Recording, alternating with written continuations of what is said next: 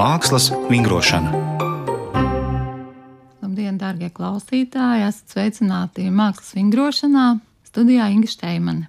Ar mani kopā ir Latvijas Mākslas akadēmijas asociētā profesore mākslas doktore Laila Brēmša. Labdien, Laila! Labdien, Inga!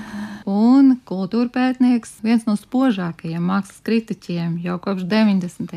gadiem, un laikmatīgās mākslas interprets Pēters Bankovskis. Labdien, Pēter! Nu, labdien! Mēs turpinām sarunu par tā dēvēto uzvaras pieminekli, jeb oriģinālā pieminekli Rīgas atbrīvotājiem no fašistiskajiem iebrucējiem, kas ir Pārdaugavā kas ir labi redzams un kas pēdējās nedēļās ir nonācis diskusiju un strīdu centrā.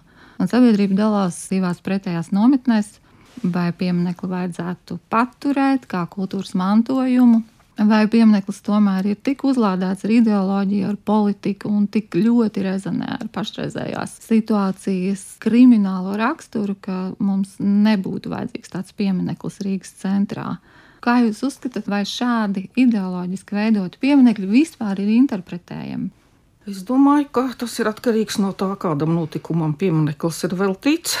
Un kādā brīdī iestājās tā situācija, kad nu, prasās pieminiektu interpretēt, ja kāds ir mainījies konteksts. Vai šobrīd mēs varam uzskatīt, ka konteksts ir mainījies, ņemot vērā, ka šis ir okupācijas laikā veidots piemineklis citai sociāli politiskajai sistēmai, un šobrīd šī sistēma 30 gadus jau vairs neeksistē. Protams, ka konteksts ir mainījies. Pēter, kā tu domā, vai pieminekļi ir interpretējami? No vienas puses, cilvēks jau ir liels meistars uz interpretāciju. Var interpretēt jebko, jebkādā veidā. Tur jau mēs paskatāmies vēstures gaitā, teiksim, kazuistiku un sofistu gājienu pazīstam no sen seniem antīkiem laikiem. Tā kā mēs varam, ja mums ir tāda note, varam interpretēt absolūti jebko, jebkādā veidā.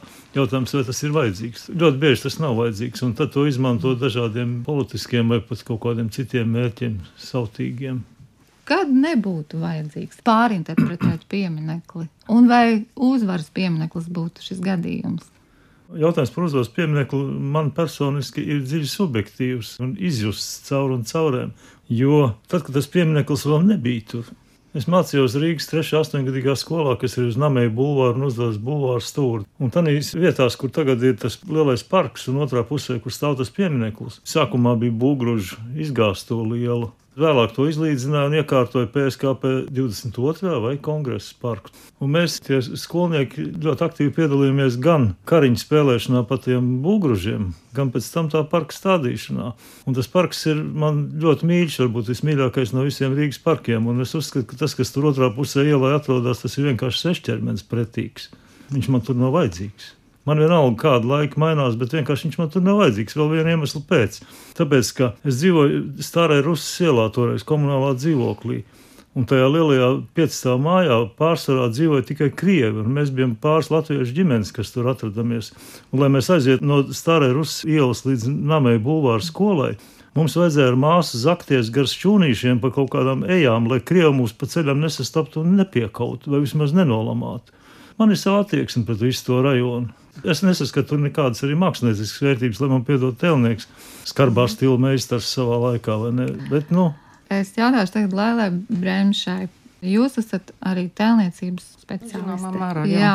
Bet jūsu viedoklis kā profesionālim atšķiras nu, no daudziem. Teiksim, manas paudzes profesionāļiem mēs esam vairāk par to saglabāt, un es pat neesmu izpētījis, no kurienes ir šī iekļaujošā taktika. Jūsu attieksme bija skaidra, profesionāli, ka šo pieminiektu vajag nojaukt. Nu, man attieksme tiešām ir bez jebkādas elastības, jo tā varētu teikt, es uzskatu, ka viņš ir jānojauc. Nu, man nav tik personīgas un tik tūs atmiņas kā Pēterim, bet es ļoti labi atceros to laiku, kad pieminiektu atklāja un to sajūtu, ka tas brutālais spēks, ko šis mm. piemineklis iemieso, ka tas ir tāds nomācošs un nemaināms. Katrā ziņā sajūta par vēlīno padomu periodu bija tāda visai drūma šī pieminekļa sakarībā. Nu, tad, kad mainījās situācija pēc Latvijas neatkarības atjaunošanas, konkrēti par šo pieminekli jāsaka, es īpaši daudz nedomāju, ja, jo notika nu, pieminekļu novākšana, ko es uzskatu, ko vajadzēja daudzos Ļeņina pieminekļus, ko tauta sauc par Ļeņinekļiem. Un, protams, arī bija tāda sajūta, ka vajadzētu novākt arī šo pieminekli, bet bija saprotams, ka tā laika situācijā 90. gadu sākumā iespējams, ka tas nebija galvenais, ko vajadzēja darīt, jo tas ir tomēr tikai piemineklis. Un tad, kad kļūst skaidrs, ka ir starpvalstu vienošanās, kurā ir iekļauta pieminekļu saglabāšana un sabiedrība tā kā samierinājās, tad es kaut kādā brīdī pārstāju par šo pieminekli vispār domāt. Bet tad, kad man nācās iesaistīties kolektīvā darbā, tad Mākslas vēstures institūta izdotajā daudzsējumu grāmatā Latvijas mākslas vēsture, kuras rakstu nodaļa par padomju tēlniecību, un tad es no jauna apmeklēju šo pieminekli, apskatījos, fotografēju, lasīju par šo pieminekli, un, protams, man atjaunojās viedoklis, ka šim piemineklim reāli nav vieta publiskajā telpā, vēl jo vairāk ņemot vērā visu to kontekstu, kas ap pieminekli notiek pēdējā laikā. Šīs 9. maija svinības melni oranžās lentītes un viss tam līdzīgi. Nu, un, protams, pēdējās dienās kopš 24. februāra, kad ir mm. skaidrs, ka šis piemineklis neiemieso mūsu pagātni, kā reizēm cilvēki saka, ja mēs nedrīkstam nojaukt savu pagātni, un tā tomēr mums ir bijis, ka šis piemineklis īstenībā simbolizē tagadni, šo joprojām agresīvo ideoloģiju un armiju, kas šo ideoloģiju mēģina realizēt Tātad Krievijas uzbrukums Ukrainai būtībā parāda, ka mūsu publiskajā pilsētas vietā nu, nav vietas šim piemineklim. Dēļ sava simboliskā Jā. satura, dēļ tās nu, agresivitātes, ko es saskatu kompozīcijā, ko es saskatu plastikā, šajā sevi izsmēlušajā vēlīnajā sociālmodernismu telniecībā. Es negribu teikt, ja, ka piemineklim nav nekāda estētiska vērtība. Mm -hmm. Ja šis agresīvais uzbrukums nebūtu noticis, nu, tad varētu tā nedaudz spekulēt ar to, kā mūsu sadalītā sabiedrība pēc kādiem gadiem 50 varētu samierināties ar to, ka okupācija un atbrīvošana ir notikusi vienlaicīgi. Un šis piemineklis varbūt varētu būt kā tāda kuriozitāte, kas liecinātu par vēlīnā padomu periodu mākslas tādu āršķirīgo patosu. Nu, viņi tiešām varētu demonstrēt, jā, varbūt kā sava veida stila liecību, bet nu, es domāju, ka pat labam šis jautājums absolūti nav aktuāls.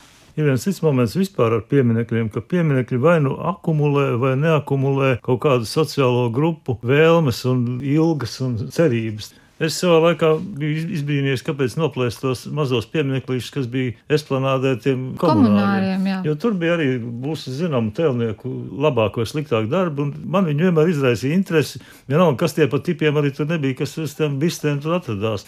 Viņi bija dažādi, teiksim, tur bija visādi čekisti un kas tik tur nebija. Bet viņš nekādā veidā neakumulē nekādas sabiedrisko grupu vēlmes Politiskas, un intereses. Nu, ne, ne vispār viņš to nespēja darīt, mm -hmm. bet šis kopš 90. gadiem, kad Krievija uztaisīja to savu teoriju par ruskiju miru, par to nu, Krievu pasauli. 2000, Viņš palika jā. par šīs mm -hmm. ruskiju miru absolūti sastāvdaļu, par ideoloģiskās mm -hmm. agresijas sastāvdaļu, imperialistiskajā lielvalstī. To mēs arī esam piedzīvojuši pēdējos gados katru gadu tajā pašā slavenajā viņa 9. maijā. Mēs esam speciālisti. Mēs zinām, ka māksla ir interpretējama. Man tas šķiet interesanti apspriežams jautājums tieši šī interpretācijas aspekta. Vai šis piemineklis nevarētu izrādīties interesants piemērs. Ne tāpēc, ka mēs censtos šajā okupācijas pieminekli ielikt kaut kādu Latvijai draudzīgāku jēgu. Gluži pretēji, lai šī jēga paliek tik nedraudzīga, cik tā sākumā bija iecerēta, un tik impēristiska un tik šovinistiska, bet Es redzu to interesanto tajā, ka šī šovinistiskā, patiesībā uz ļauniem darbiem tendētā politiskā impērija sevi šādos skulptūrālos, publiskai telpai domātos tēlos pasniedza, miksējot visneiedomājamākos cildenos ideālus no antīkās pasaules, no modernās mākslas, lika tos kopā un pierakstīja tos sev. Tātad pieminekli ir jau kaut kāds sākotnējs paradoks tajā, kā šī impērija sevi tēlo kas tā patiesībā ir. Un tagad esam mēs ar šo iespēju kaut ko darīt ar šiem tēliem, vai mēs varam to, vai tomēr nē, un kas ir tie aspekti, kas neļauj mums pārēt. Nu, man ir grūti, es nedomāju šādu vispārinājumu kategorijā par impēriju, bet nolikumu šim piemineklim apstiprināja savā laikā. Tas bija 1977. gads Latvijas PSR ministru padome. Protams, ka visā tajā procesā piedalījās Kompartijas centrāla komiteja, jo citādi tas nevar būt. Pirmā ideja par to, ka ir jāceļ piemineklis uzvarai, radās tūlīt pēc uzvaras 1945. gadā. Mhm. Tad bija tāds periods, kad uzvaru nesvinēja. Varētu būt tāda doma, ka uzvarējusi karā padomu savienība turpina, nu, tātad katru nākošo gadu rīkoja pompozas svinības un armijas parāds, bet tas tā nenotika uzvaras dienas svinēšana faktiski atsākās tikai 60. Eh, gadu vidū. Iemesli dažādi, nu, smaga situācija, un arī tika īsā laikā demobilizēta apmēram 2,5 miljonu iekšēji agresīvu un kara traumētu vīriešu, kur ļoti labi saprata, kā šī uzvara bija nākusi, acīm redzot. Var pieņemt, ja valdošajām aprindām lika padomāt, vai šāda uzvaras svinēšana vispār ir iespējama, nepieciešama, un šī pieminekļa ideja palika nerealizēta, tad uh, radās atkal domas 70. gada sākumā, ja 74. gadā 22. partijas kongresa vārdā nosauktajā parkā nolika akmeni, uz kuru uzrakstīja, ka šeit būs uzvaras piemineklis. Mm. Un tad uh, konkursu izsludināja 1977. gadā. Un... Tas bija otrā jau pusē, man liekas. Kas ir svarīgi, protams, ja ne jau impērija iedevis šo ideju, konkursā piedalījās 33 projekti, kas nozīmē to, ka latviešu mākslinieki vēlējās izmantot šo iespēju sevi realizēt monumentālā kompozīcijā, jo tam nopelnīt labi. Un nopelnīt labi. Man attieksme pret šiem pieminekļiem ir ārkārtīgi piezemēta, jo nu, šādā veidā saglabājās un eksistē Latvijā monumentālās tēlniecības tradīcijas un tehniskās prakses, kas ir nepieciešams, lai pieminekļus vispār varētu darināt. Un situācija veidojās tādējādi, ka žūrijas komisija izvēlējās trešās vietas ieguvēju projektus. Pirmo vietu nepiešķīra, otrās vietas ieguvējus neizvēlējās, un tad izveidoja radošo kolektīvu, kas sastāvēja no četriem telniekiem un septiņiem arhitektiem. Bet, nu, kā mēs zinām, kompozīciju realizēja divi telnieki. Tā kā acīm redzot, ir bijis ļoti komplicēts un iekšēji pretrunīgs tas process, kā vispār izveidojās šis radošais kolektīvs un kādā veidā viņi nonāca pie šīs. Nu, acīm redzama eklektiskās kompozīcijas, kur tad ir Ļevkauska darbs, ir šī kareivju grupa, bronzā un Aivara Gulbja mātes dzimtenes figūra, Zināms, ka šī kompozīcija ir tikusi mainīta, jo mm. tēlniekam teica, ir jāizņem skulptūra, respektīvi šai mātei dzimtenē pie labās rokas drapērijas ielokā bija šī bērna figūra, kuru tad noņēma, un tieši šo figūru tad es varbūt arī varētu interpretēt uh, citā veidā, ja viņu neatstātu šajā esošajā novietnē, ja viņi pārvietot uz kādu citu vietu un radītu šai skulptūrai citu kontekstu, bet te rodas jautājums, kāpēc tas būtu jādara? Kas ir tas mērķis, ar kuru vispār vajadzētu nodarboties ar cita konteksta veidošanu? Ja, godīgi sakot, es neatrodu atbildi uz šo jautājumu. Vai, Pēter, jautājums tev, vai būtu nepieciešams pārinterpretēt un uh, mazliet atgādinot to jautājumu, ko es uzstādīju par to īpašo veidu, kā impērija gribēja sevi redzēt, un par to, ka mēs esam saņēmuši šo skulptūru.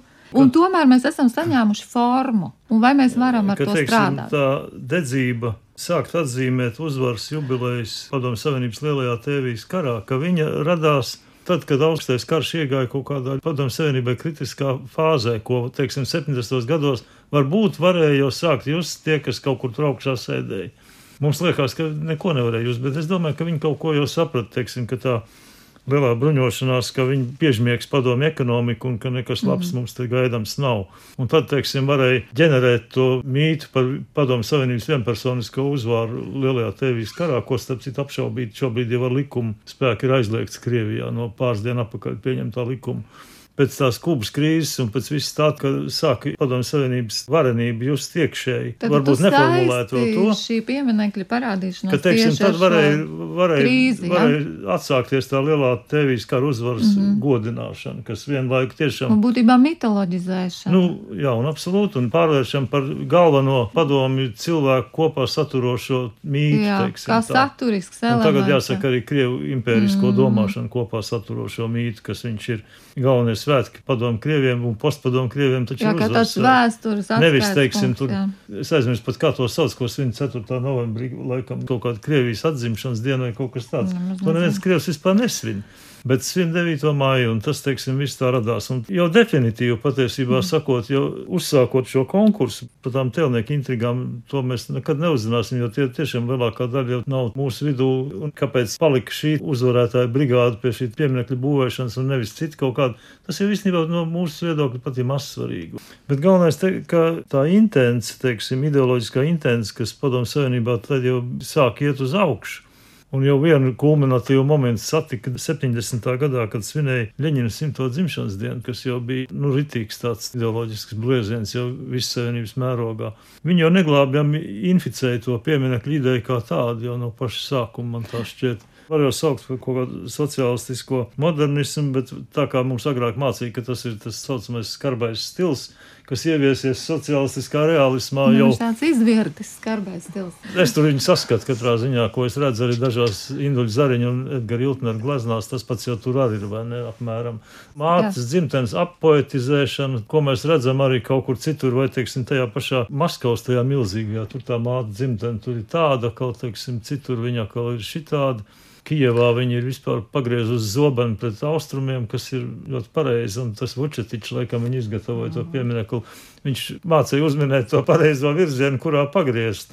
Bet mēs te kaut kā ar tiem Bukovska zaudātiem un Aivaru Gulbi to māti kaut kā tur nav kārtībā no paša sākuma, man tā šķiet. Nu, jā, nu, jā, tā ir tā, tā nelaime, kad uh, nebija acīm redzot pietiekoši autoritīvs šīs grupas vadītājs. Nu, katrā gadījumā šim piemineklim nav vienotas ieceres. Tas, manuprāt, ir uh, acīm redzams. Viņš ir arī formas. Arī pēc eklektisks pēc formas un arī pēc mm -hmm. satura.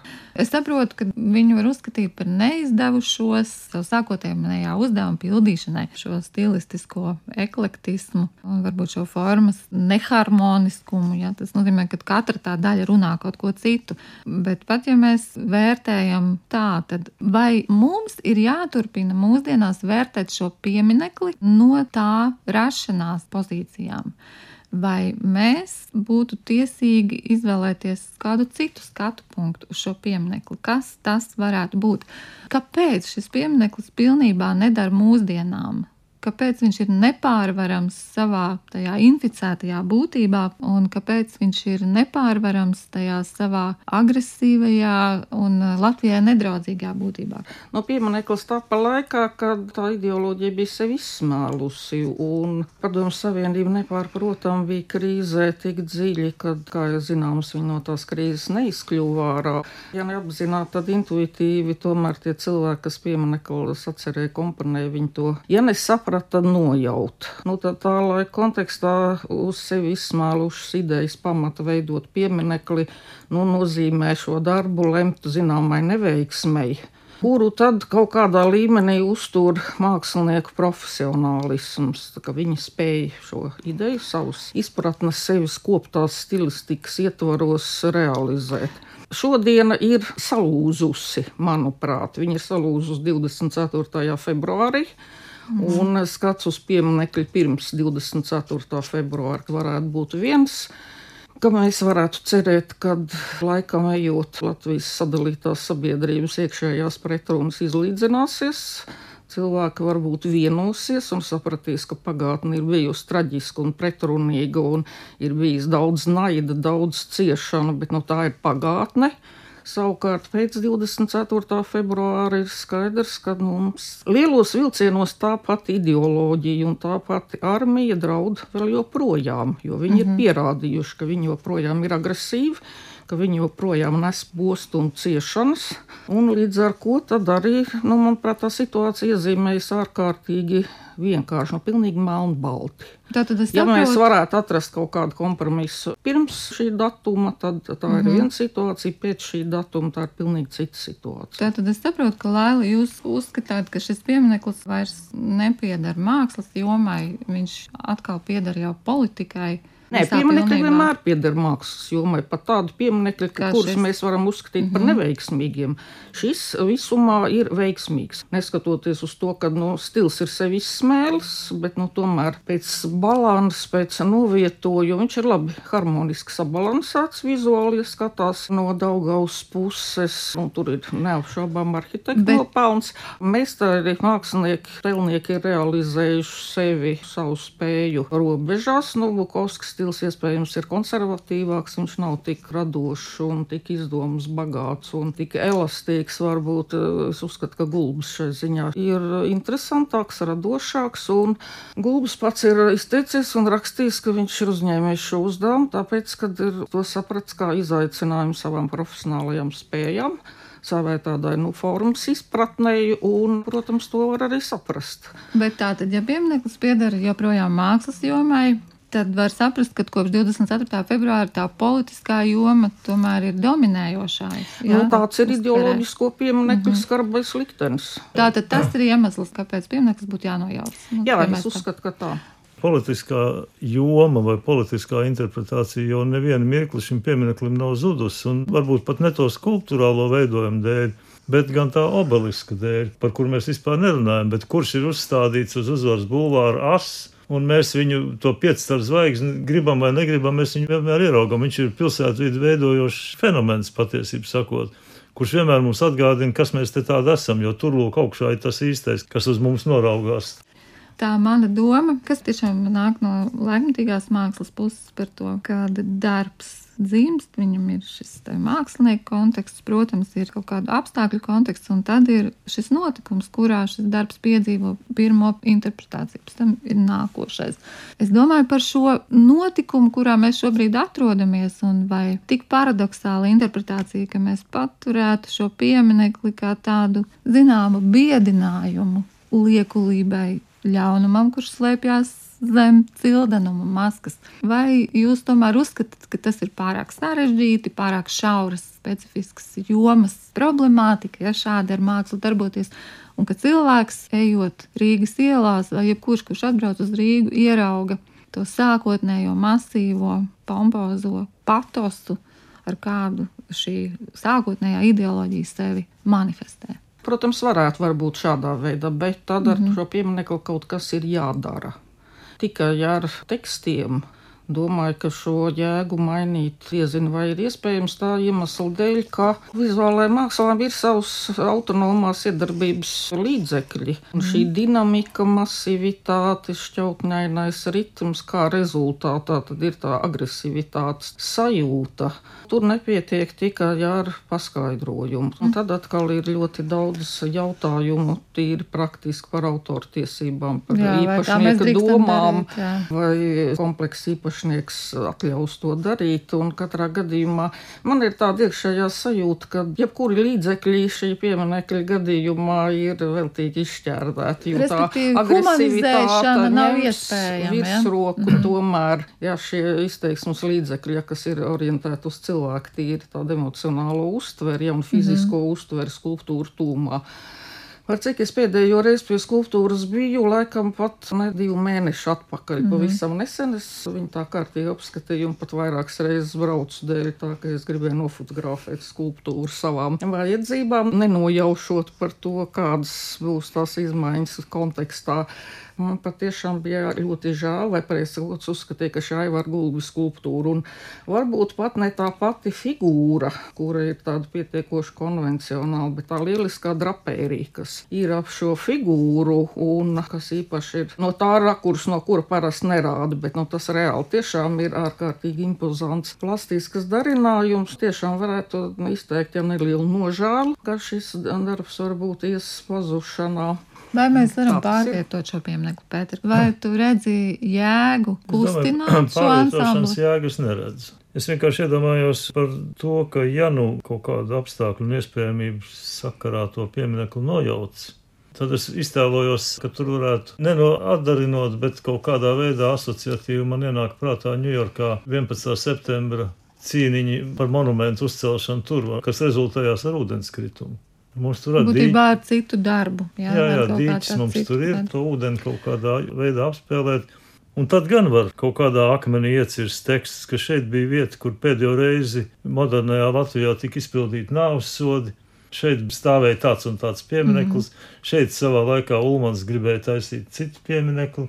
Kāpēc vispār to sauc par uzvaras laukumu, kāda tam visam ir jēga? Tas varētu būt stāvēt kā akmeni iecirsts, bet bez šiem tēliem. Es saprotu, ka šī pieminekļa nehumānā iedarbība uz vidi, es domāju, ka tas laikam ir tas atslēgas vārds, kas acīm redzot jūsu abu viedokļus konsolidē, ka šī pieminekļa nehumānā iedarbība ka nekādas mākslas interpretācijas nevar to glābt un padarīt uh, cilvēcīgu, tādai humānai, labticīgai sabiedrībai. Tā to varētu summēt. Jā, nu, iespējams, ka ir tādi mākslas darbi, kur ir agresīvi pēc savas būtības, tendētu uz šādu nevaldāmu militārismu un ar viņiem mm. neko citu iesākt nevar.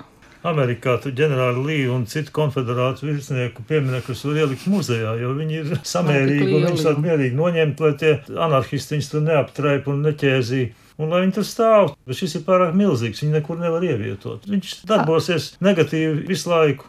Vai jūs redzat iespēju, ka šo pieminiektu varētu iebūvēt ēkā, un respektīvi mums būtu vēl viens okupācijas muzeja korpus, kurš atrastos tur, kurš nosaktu ar savu 80 metru augsto ēku šo pieminekli, un mēs komercializētu šo pieminekli, tātad šo ļaunumu kā biedu. Nu, manā skatījumā tā ēku uzbūvēt varbūt pēc savām formām būtu pat agresīvāk nekā tas piemineklis pat labi izskatās.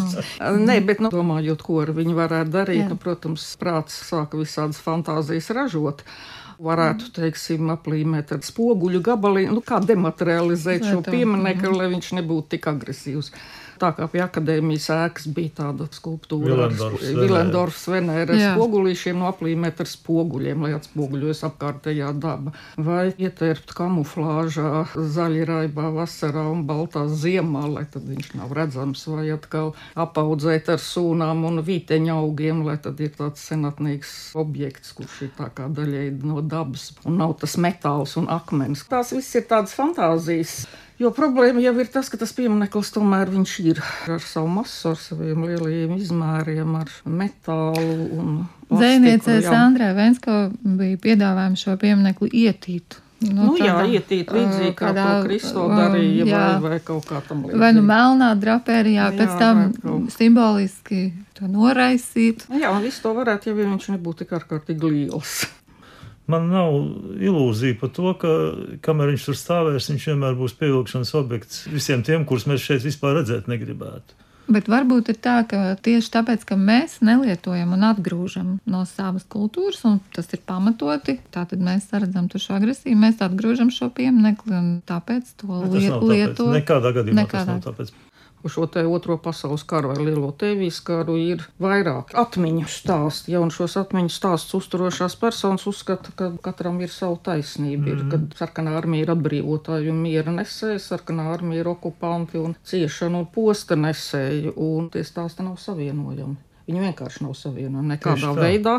Kompromiss tur nu, pēc paudzēm, protams, tad, kad nomainīsies vairākas paudzes, tad var domāt, ka tas asums izzudīs. Bet pašlaik viņš ir ļoti saspringts. Un, protams, šajā kontekstā, kad ir šī Krievijas agresija, tad viņš jau Tagad pēc diviem pustūkstošiem gadiem mēs varam mierīgi varbūt paskatīties uz uh, persiešiem. Nu, tieši grieķiem, tā, jā, jāpaiet diezgan ilgam laikam, bet, nu, man liekas, mēs nevaram atļauties gaidīt. Un, protams, tas ir tikai piemineklis bet nu, tomēr piemineklis Jūs ir sakat, kā simbols. Tas ir tikai piemineklis. Tas, tas ir tikai nozīmē ko?